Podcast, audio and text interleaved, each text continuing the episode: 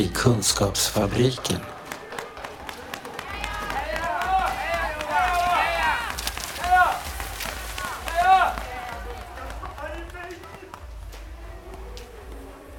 Välkommen till Kafferast i Kunskapsfabriken, Lena Lindahl. Tack så mycket.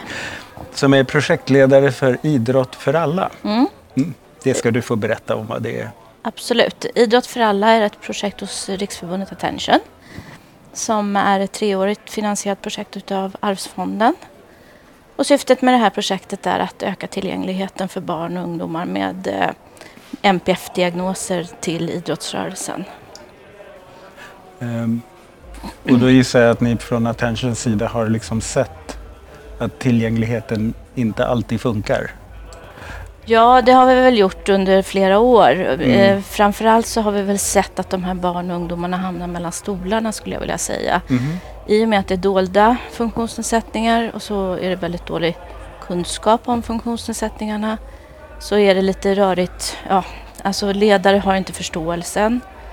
Eh, och inom organisationen Riksidrottsförbundet och parasporten bollar man frågorna lite emellan. Aha.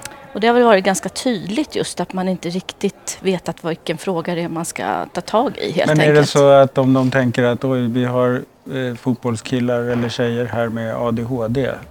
Tänker man att det borde vara en handikappidrott då? Eller? Ja, eller man tänker blir att det är en... knasigt. Ja, eller man, tänker, man kopplar det till att det är en funktionsnedsättning Mm. och då har man gjort det kanske lite för enkelt för sig. Eller för svårt. Eller för svårt. Men att man pekar på att det här borde då sortera in under parasport och parasportsverksamhet. Ja, just det. Vilket blir inte alls rätt om du inte har en intellektuell funktionsnedsättning. Nej, eller ett riktigt rörelsehinder. då. Nej. Men eh, omvänt så tänker jag att med de senaste årens kunskap, jag tänker på Michael Phelps och sådana här Mm. stora idrottsmän som också öppnar med sina eh, MPF-diagnoser och också som jag förstått det kan hävda att det här med att jag kunde hålla på med idrott har ju liksom räddat mitt liv. Mm. Eh, Även om det är väl, ja, välkänt när man tar upp det så blir det ändå en Mm. aha-upplevelse när man är ute och träffar idrottsledarna och pratar om diagnosen och att det faktiskt är en funktionsnedsättning. Ja, just det. Utan att för den skull vara något som borde vara någon annanstans än här i det vanliga fotbollslaget. Mm. Så att, eh, det jobbar vi med och eh, vi jobbar också med verksamhetsutveckling kring Mm. eh, ja, idrotten överhuvudtaget. Ja. Eller meningsfull fritid som vi säger. Ja. Eh, Det har vi ju sett i de undersökningar vi har gjort på Attention att det är ju alldeles för höga krav och prestationsinriktat och den här målgruppen kliver av betydligt tidigare än andra barn. Tröttnar man på idrotten? Eller Ja. for, i, alltså den form som idrotten bedrivs i? Ja, man Just det. orkar inte med de kraven. Man kanske har en dålig lördagmorgon och då går man inte på fotbollen och så Nej. kanske det straffar sig senare att Mm. man inte fick vara med på den där matchen för att man hade dålig närvaro. Det kan också vara kraven Aha. runt omkring idrotten, att föräldrarna förväntas ställa upp på eh, runt omkring arbete. Ja, just det. Skjutsa och hämta och tvätta tröjor och... Sälja Va- saker Ja, och stå i kafeterier och så Mm. vidare. Och då kan det bli i en familjesituation där det kanske redan är komplext med att prioritera Mm. saker och ting och få vardagen att gå ihop så, så kan det bli för mycket helt enkelt. Jaha. Um, vilka jobbar ni emot nu då? då? Eller liksom var bedriver ni projektets Mm. verksamhet? Förutom att ni sitter och har lärt er en massa saker. Ja, vi lär oss hela tiden. Det är jättespännande. Men vi har haft fördelen att ha haft en bra dialog med eh, Riksidrottsförbundet och Mm. SISU, idrottsutbildarna. Så de, tillsammans med oss nu så har vi tagit fram utbildningsmaterial för idrottsledare där vi eh, beskriver framförallt ledarskapet. Mm. Hur man som ledare kan bemöta de här barnen och få det att fungera mycket bättre. Och det är ju inte några konstigheter utan det är ett Nej. ledarskap som vi säger, det här ledarskapet är bra för alla barn. Just det, Mm. precis. Som nästan alla sådana här funktionsnedsättningsanpassningar. Mm. Det är ju så. Att ha plan- en planerad träning, att ha struktur på vad du ska göra för Mm. någonting. Att inte vara för komplicerad och hålla det ganska enkelt. Att framför allt berömma och motivera är ju jätteviktiga delar för att de här barnen inte ska tappa sugen. Just det. För om du kör en träning som är alldeles för kravfylld och kanske inte så mycket beröm ingår utan Mm. hela tiden blir det bara svårare och svårare så då kliver de här barnen av och det har Mm. vi ju sett. De provar ofta två, tre gånger och sen så bara nej det där var inte kul, nu vill jag göra någonting annat. Ja, och jag tänker också att även för de barn som klar, orkar ta sig igenom det. Mm. Då blir man kanske framgångsrik men inte så lycklig. Nej, så kan det också vara. Alltså det blir en... Alltså jag blir framgångsrik på ett område som kanske ändå inte har gett mig så mycket glöd utan Mm. mer bara framgång kanske. Men Just det.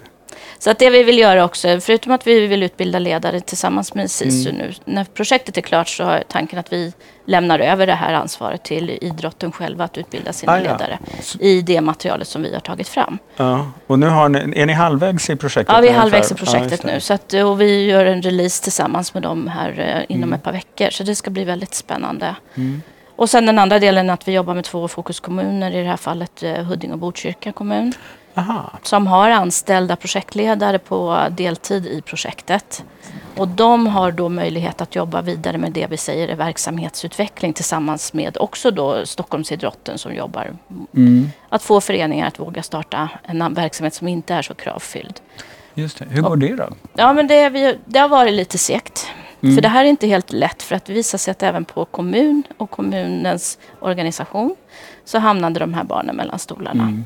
De hamnade under funktionsnedsatt och funktionsrätt och det var inte den normala verksamheten som kultur och fritids jobbade mot. Så det har tagit lite längre tid än vad vi trodde att få det här att falla på plats inom organisationen helt enkelt. Ja, just det. Då handlar det egentligen inte om att komma fram till vad vi kan göra och vad vi kan testa utan vem ska känna att... Alltså vem bestämmer om Mm, det på mm, något sätt? Ja, mm. Och då blir det lite likadant igen att hamnar du under funktionsrättsfrågorna i kommunen så blir det ofta en verksamhet som är lite väl mycket anpassad Mm. så att säga och då passar inte den heller åt våra barn för då vill inte de vara där för de känner ju- inte igen sig. Då är det ju ingen prestation alls. Nej. Nej. Nej. Så det har vi jobbat med. Men nu har vi dragit igång eh, verksamhet i båda kommunerna där vi samarbetar med skolan Mm. för att vi ska, det är där vi kan se att vi når barnen. Att skolan har varit väldigt öppna med att våga erbjuda barn som de vet är i behov av en meningsfull fritid, verksamhet Mm. i prova på-verksamhet. Och så gör vi det i nära samarbete med de eller föreningar som har visat intresse. Vilka föreningar är det då? Eller Ja. vilka idrotter? Eller, Ja, det har varit allt möjligt. Det har varit handbollen, Mm. det har varit innebandyn, det har varit nu senast kom sportfiske. aha, ja. Mm. Ja, och det är ju jättespännande. Och det har väl också varit en grej i projektet att vi ser att man kanske inte behöver titta enkom idrottsförening, ideell verksamhet. Det kan ju faktiskt finnas Scouterna, Friluftsfrämjandet, fyra H-gårdar. ja, just det. Mm. Att, att ni heter Idrott för alla men det är mer fritid. Det, ni tjänar på att vidga det begreppet. Ja, Ja, vi känner att kommunen behöver ta ett större samverkansansvar och eh, egentligen eh, ka- kartlägga sin verksamhet som finns i kommunen Mm. och matcha den mot behovet. Ja. Nu senast fick vi också från Öckerö kommun på västkusten som Mm. har varit väldigt, eh, som jobbar väldigt nära eller Attention Öckerö. Ja. Där man bjuder in nu alla högstadieelever som inte har en fritidsaktivitet. Och ska börja i den änden och lyssna in med de här eh, ungdomarna vad de vill göra på sin fritid.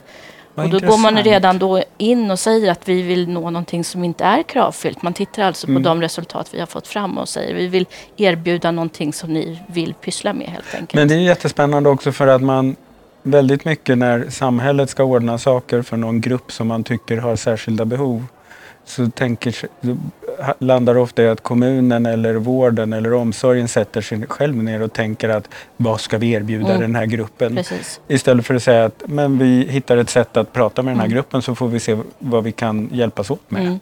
Så, det är Så det- jättespännande. Ja, det är jättespännande och Mm. de är precis med, klara med sin inbjudan. Så att Mm. under våren hoppas vi komma fram till någonting som vi kan göra någonting goda exempel utav. Som kommer bygga då på Mm. vad ungdomarna i Öckerö själva har meddelat. Ja. det. Och det är Mm. jättespännande. Och sen eh, Värmdö kommun har också varit lite involverade. De satsar ju väldigt mycket på e-sporten. Mm. Och det är ju också någonting vi vet att vår målgrupp kan Mm. tycka är riktigt spännande. Och många har ju behov av att komma ut i ett socialt sammanhang och att träffa andra. Och då kan man ju bygga in fysisk aktivitet i sådana träffar. Så att det är mer än Mm. bara sitta och lana. Precis. Ja, just det. Mm. Mm.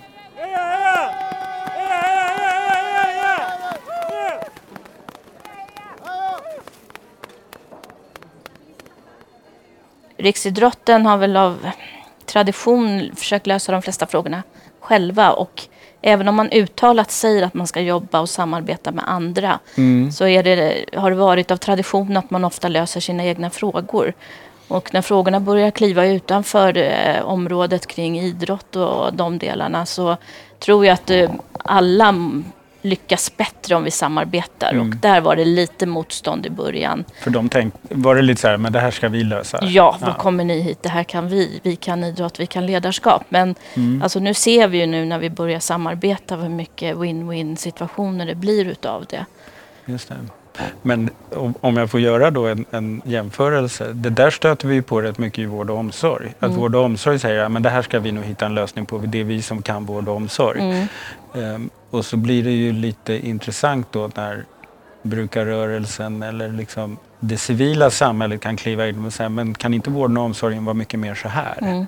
Använda de här principerna för, för hur man bemöter eller så. Ja, just det. Mm. Och så blir de oftast väldigt glada när de ser att det kanske var så. Mm. Så att vi har ju en, en del att arbete att göra just det här.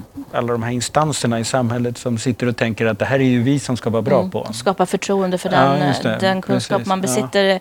Det tror jag har varit väldigt eh, nyttigt. eh, Mm. och att vi har varit också väldigt, vi vill samarbeta. Vi vill Mm. inte gå i konflikt eller någonting utan vi vill bara samarbeta kring för de att öka frågorna. kvaliteten. Ja, just precis. det. Sen har det också varit väldigt roligt för att Unicef har bevakat det arbetet vi har gjort Aha. utifrån barnrättskonventionen. Mm. Och de har nu gett ut en handbok för idrotten och idrottsledare hur man säkerställer att man följer barnkonventionen som idrottsledare. Och då har man använt er bland annat som inspiration? Då. Japp, vi fin- Mm. finns med i den boken och finns framförallt länkat till det utbildningsmaterialet. Och vi har också fått möjlighet att utbilda deras barnrättsvolontärer Aha. i idrottsfrågorna och föreningsfrågorna, föreningsledarfrågorna. Så att det, det har Mm. blivit väldigt spännande samarbete. Det är ingen liten fråga för barn att de har en meningsfull fritid. Nej, för hela det. deras liv är, förutom skolan, Mm, fritid. mm. Ja, just det. Och är då fritiden kravfylld och påminner om skolan, då, då är det inget kul.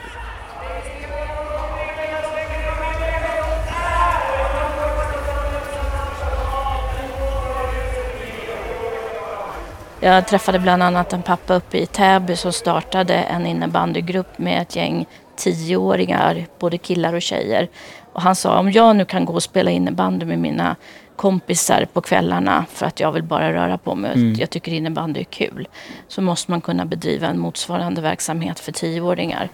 Det här gjorde han för fem, sex år sedan och de är kvar. 22 grabbar träffas två gånger i veckan. Kastar in klubborna i mitten, delar Mm. lag, har lite teknikträning. Det enda de har investerat i är en t-shirt för att känna en samhörighet. Här har föräldrarna inga, och så delar föräldrarna på lokalhyran. Mm.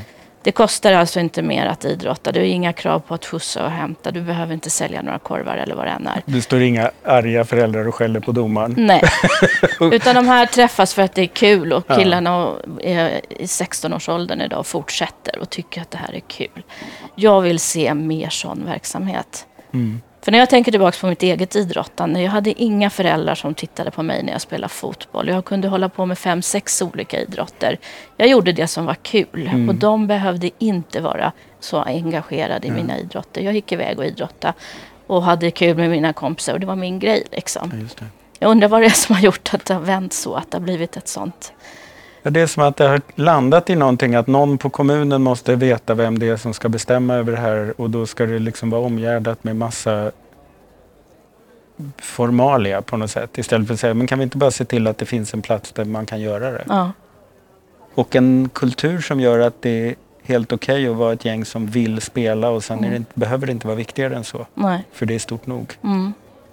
Mm. Nej, men jag tänker tillbaka på min gamla fotbollstränare, Stickan. Liksom. Jag vet inte hur han fick ihop det, men han körde väl oss någon gång när vi hade bortamatch. Och han fick väl med sig någon annan förälder, men det var inget jag tänkte på. Nej, just det. Utan vi bara åkte iväg och så spelade vi mot det där andra laget någonstans i Stockholmstrakten. Och det spelade väl ingen roll om vi vann eller förlorade. Jag vet att han bjöd på godis om vi vann.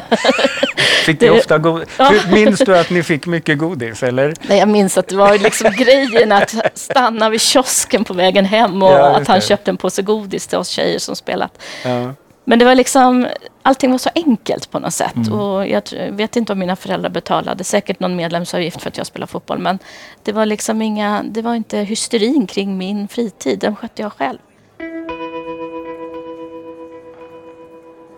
Och det är väldigt många som säger att just tävlingsdelen är inte det viktiga.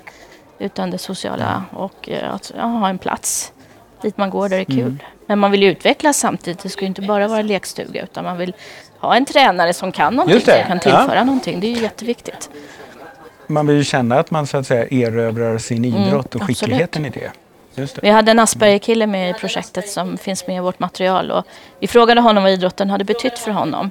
Och han har ju då haft utmaningar med det sociala samspelet och det var just det han sa. Jag har lärt mig att kunna umgås med folk. För han höll på med karate och det tyckte jag 16 år, då har man ganska bra självinsikt om vad det innebär liksom. Och han sa själv, hade han inte haft sin karate hade han definitivt bara suttit vid datorn.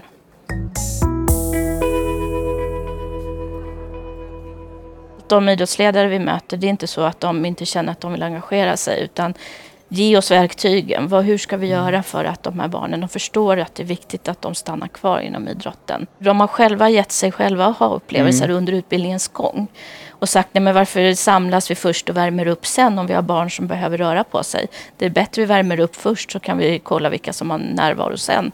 Det var en sån här grej som, eh, ja, alltså idrotten är ju väldigt traditionsenlig och det är väl också det som kan göra att det här tar lite Vi tid. kan väl inte börja värma upp förrän vi vet vilka som är här? Nej.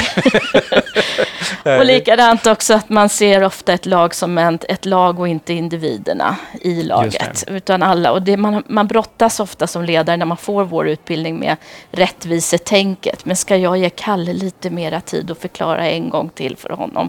Vad ska då Pelle tycka om det? Han kan ju faktiskt bli avundsjuk. Så det här rättvisetänket och att idrotten av tradition bedrivs på ett visst sätt. Det är ju utmaningar. Ja, men då tror jag att jag har fått lite grepp Mm. om, om ert projekt här. Ehm, tack för att du ville vara med. Ja, tack för att jag fick vara med. Den här podden görs av NSPH, Nationell samverkan för psykisk hälsa. Läs mer på vår hemsida www.nsph.se eller följ oss på Facebook. Kafferast i Kunskapsfabriken.